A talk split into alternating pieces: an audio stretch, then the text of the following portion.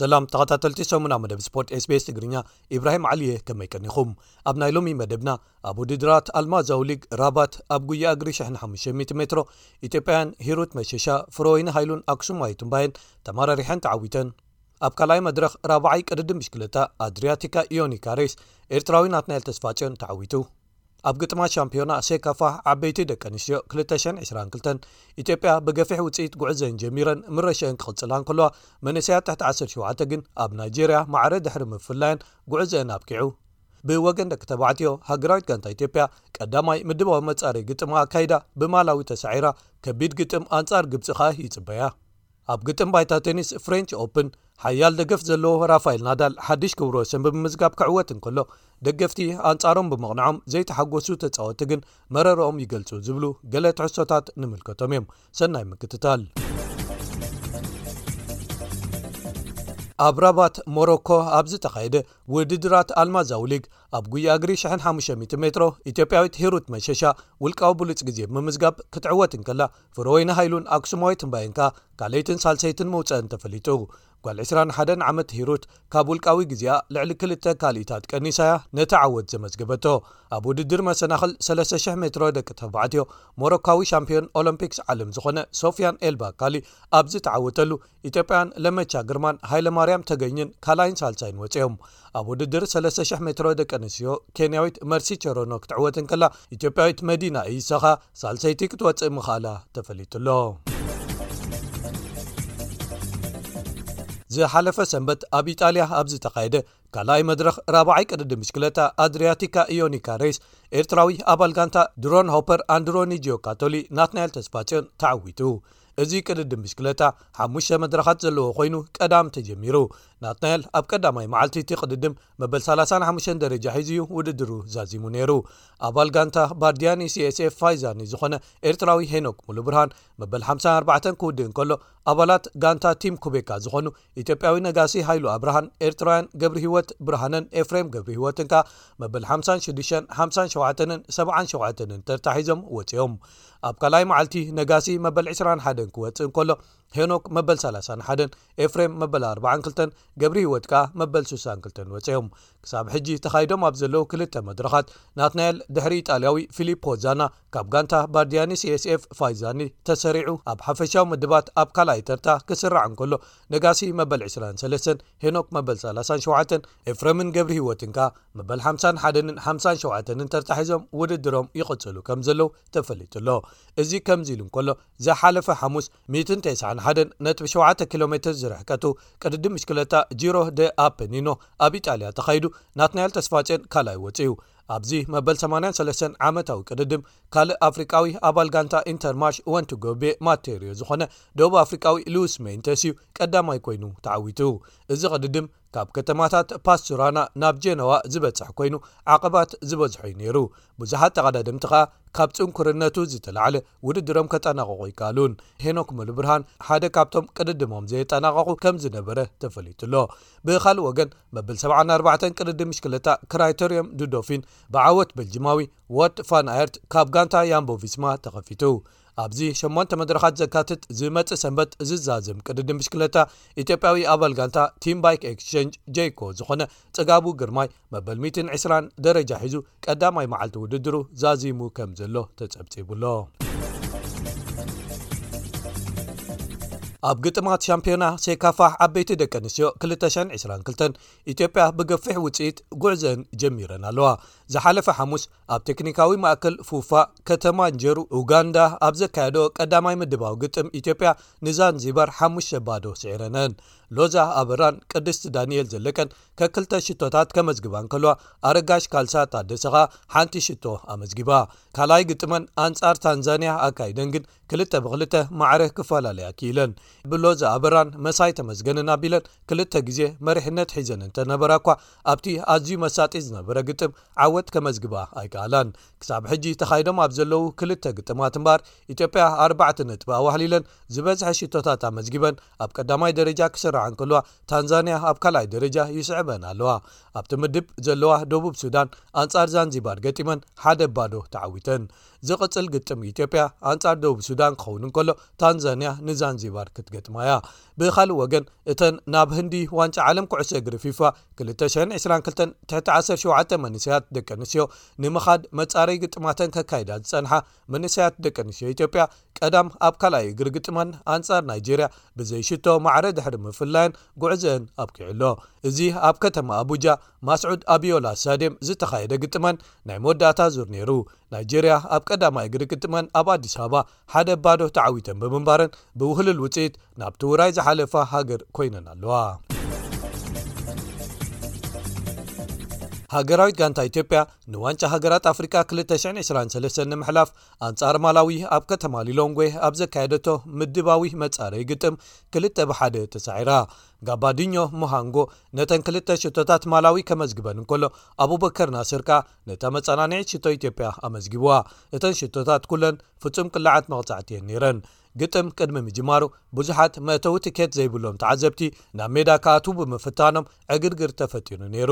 ኢትዮጵያ ነቲ ግጥም ዓብሊላቶ እኳ እንተነበረት ክልተ ቅላዓታት ጥራይ እየን ነይረን ዒላመኣን ዝሃረማ። እዚ ውጽኢት ኢትዮጵያ ክትሓልፍ እንተኾይና ምስቲ ሓሙስ ዘለዋ ካልኣይ ምድባዊ ግጥም ኣንጻር ግብጺ ምዃኑ ኣረኣኢኻ ክትዕወቶ ወይ ማዕረ ክትወጾ ዝነበራ'ዩ። ግብጺ ከዋኽብቲ ሊቨርፑል ዝኾኑ መሓመድ ሳላሕን ናቢ ከይታን ነንሓድሕዶም ኣንጻር ኣብ ግጥም ኣብ ዝተረኽብሉ ንጊኒ ኣብ ተመሳሳሊ እዋን ብሓንቲ ዝተጨለፈት ኩዕሶ ብጸቢብ ሓደ ባዶ ስዒራታ።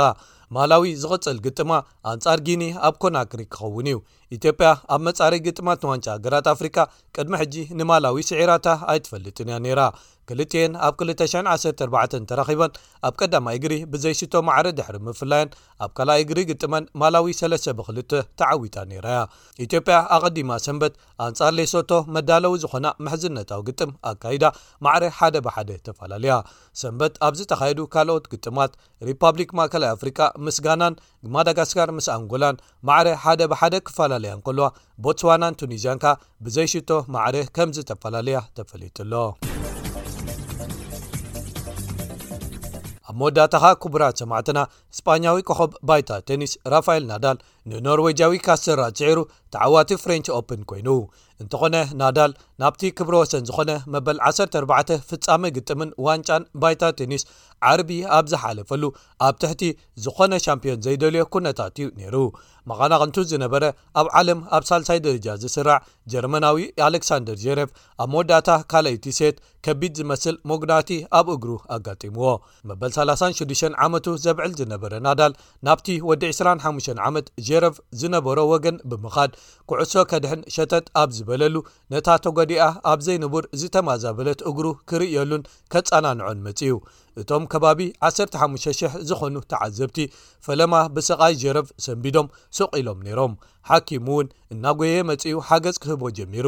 ጀረፍ ጸኒሑ እናበኸየ ናብ ዓረብያ ተሰቒሉ ንሆስፒታል ክውሰድ እንከሎ እቶም ክሳብ ሽዕኡ ንናዳል ብዓውታ ድምጽን ጣቕዒትን ዝድግፍዎ ዝነበሩ ተዓዘብቲ ብጣቕዒት ዓጂቦሞ።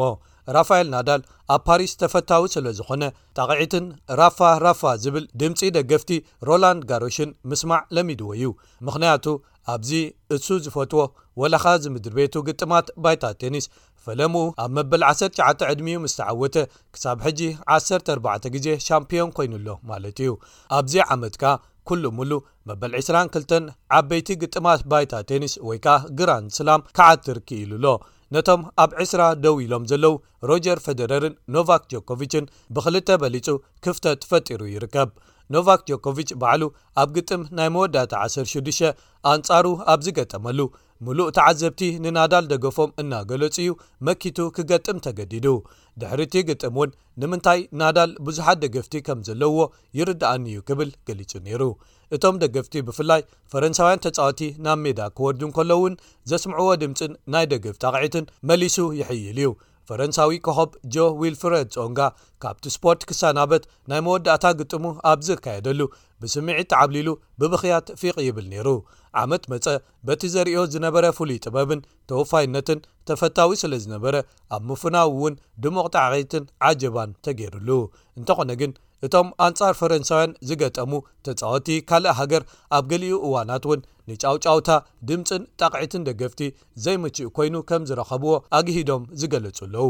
ኣውስትራልያዊ ቁጽሪ ሓደ ተጻዋታይ ባይታ ቴኒስ ኣሌክስ ዲ ሚኖር ኣብ ቀዳማይ ሰሙን ሮላንድ ጋሮሽ ብፈረንሳዊ ሂዩጎ ጋትሰን ተሳዒሩ ምስ ወጸ መስመሩ ዝሓለፈ ተራ ደገፍቲ ወሳኒ ከም ዝነበረን ኣንጻሩ ዘቕነዐ ብምንባሩ ከኣ ደስ ከም ዘይበሎን ብወግዒ ገሊጹ። ኣሜሪካዊት ስሎን ስቲፈንስ ብወገና፣ እዝነይ ነቲ ድምጾም ከይሰምዕ እንተ ዘይዓጽዎ ነይረ፣ ፈጺመ ኣይምሰዓርኩን ክትብል ዝሓለፈ ሰሙን ገሊጻ ነይራ። ኣውስትራልያዊት ዳርያ ሳቪል ኣንጻር እታ ሓያል ደገፍ ካብ ፈረንሳውያን ዝነበራ ኢጣልያዊት ማርቲና ትረቪሳን ቅድሚ ምግጣማ፣ ሰብነታ ኣብ ምሟቕ እንከላ ኣንጻራ ዘቕንዐ ድምጽታት ከም ዘሰንበዳ ኣረዲኣ። ከይጀመርኩ ከምዚ ዝገበሩ ድኣ ኣብ ግዜ ግጥም እንታይ ክገብሩ'ዮም ኢላ ብምሕሳብ ናብ ግጥም ተሾቕሪራ ከም ዝኣተወትን ከም ዝፈዘዘትን ገሊጻ። ኣብ መወዳእትኡ ከኣ ብቐሊሉ ክትሰዓር ክኢላ።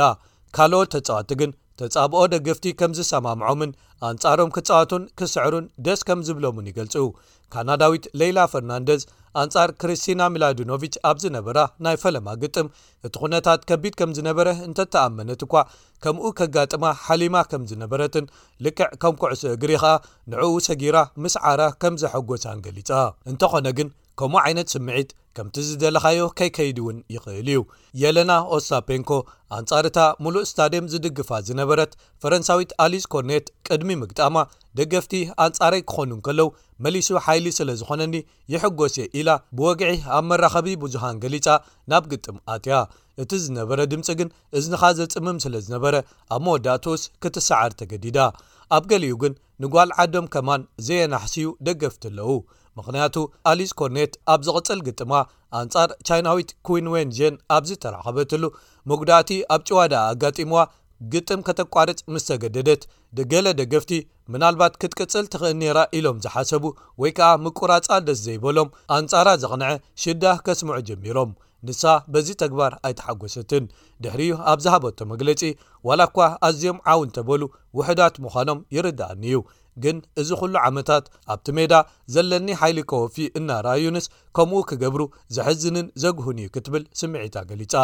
ኣብ መወዳእትኡ ነቲ ናይ ደገፍቲ ዋዕዋዕታን ጣቕዒትን እቶም ተፈተውትን ድጋፍ ዝረኸቡን ተወሳኺ ሓይሊ ኮይኑና ኢሎም ክገልጽዎ እንከለው እቶም ካልኦት ግን ዘየሐጉስን ቁሩብ ሞራል ዝሃስን እዩ ክብሉ ገሊጾምዎ።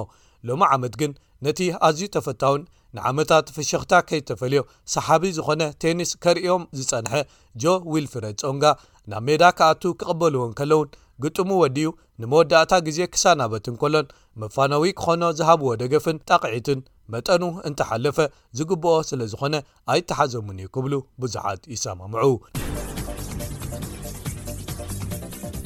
ክቡራት ሰማዕትና ንሎሚ ተዳልዩ ዝነበረ ሰሙናዊ መደብ ስፖርት ስbs ትግርኛ ኣብዚ ይፍፀም ኣብ ዝመፅእ ሰሙን ብካልኦት ትሕሶታት ክሳብ ንራኸብ ሰላም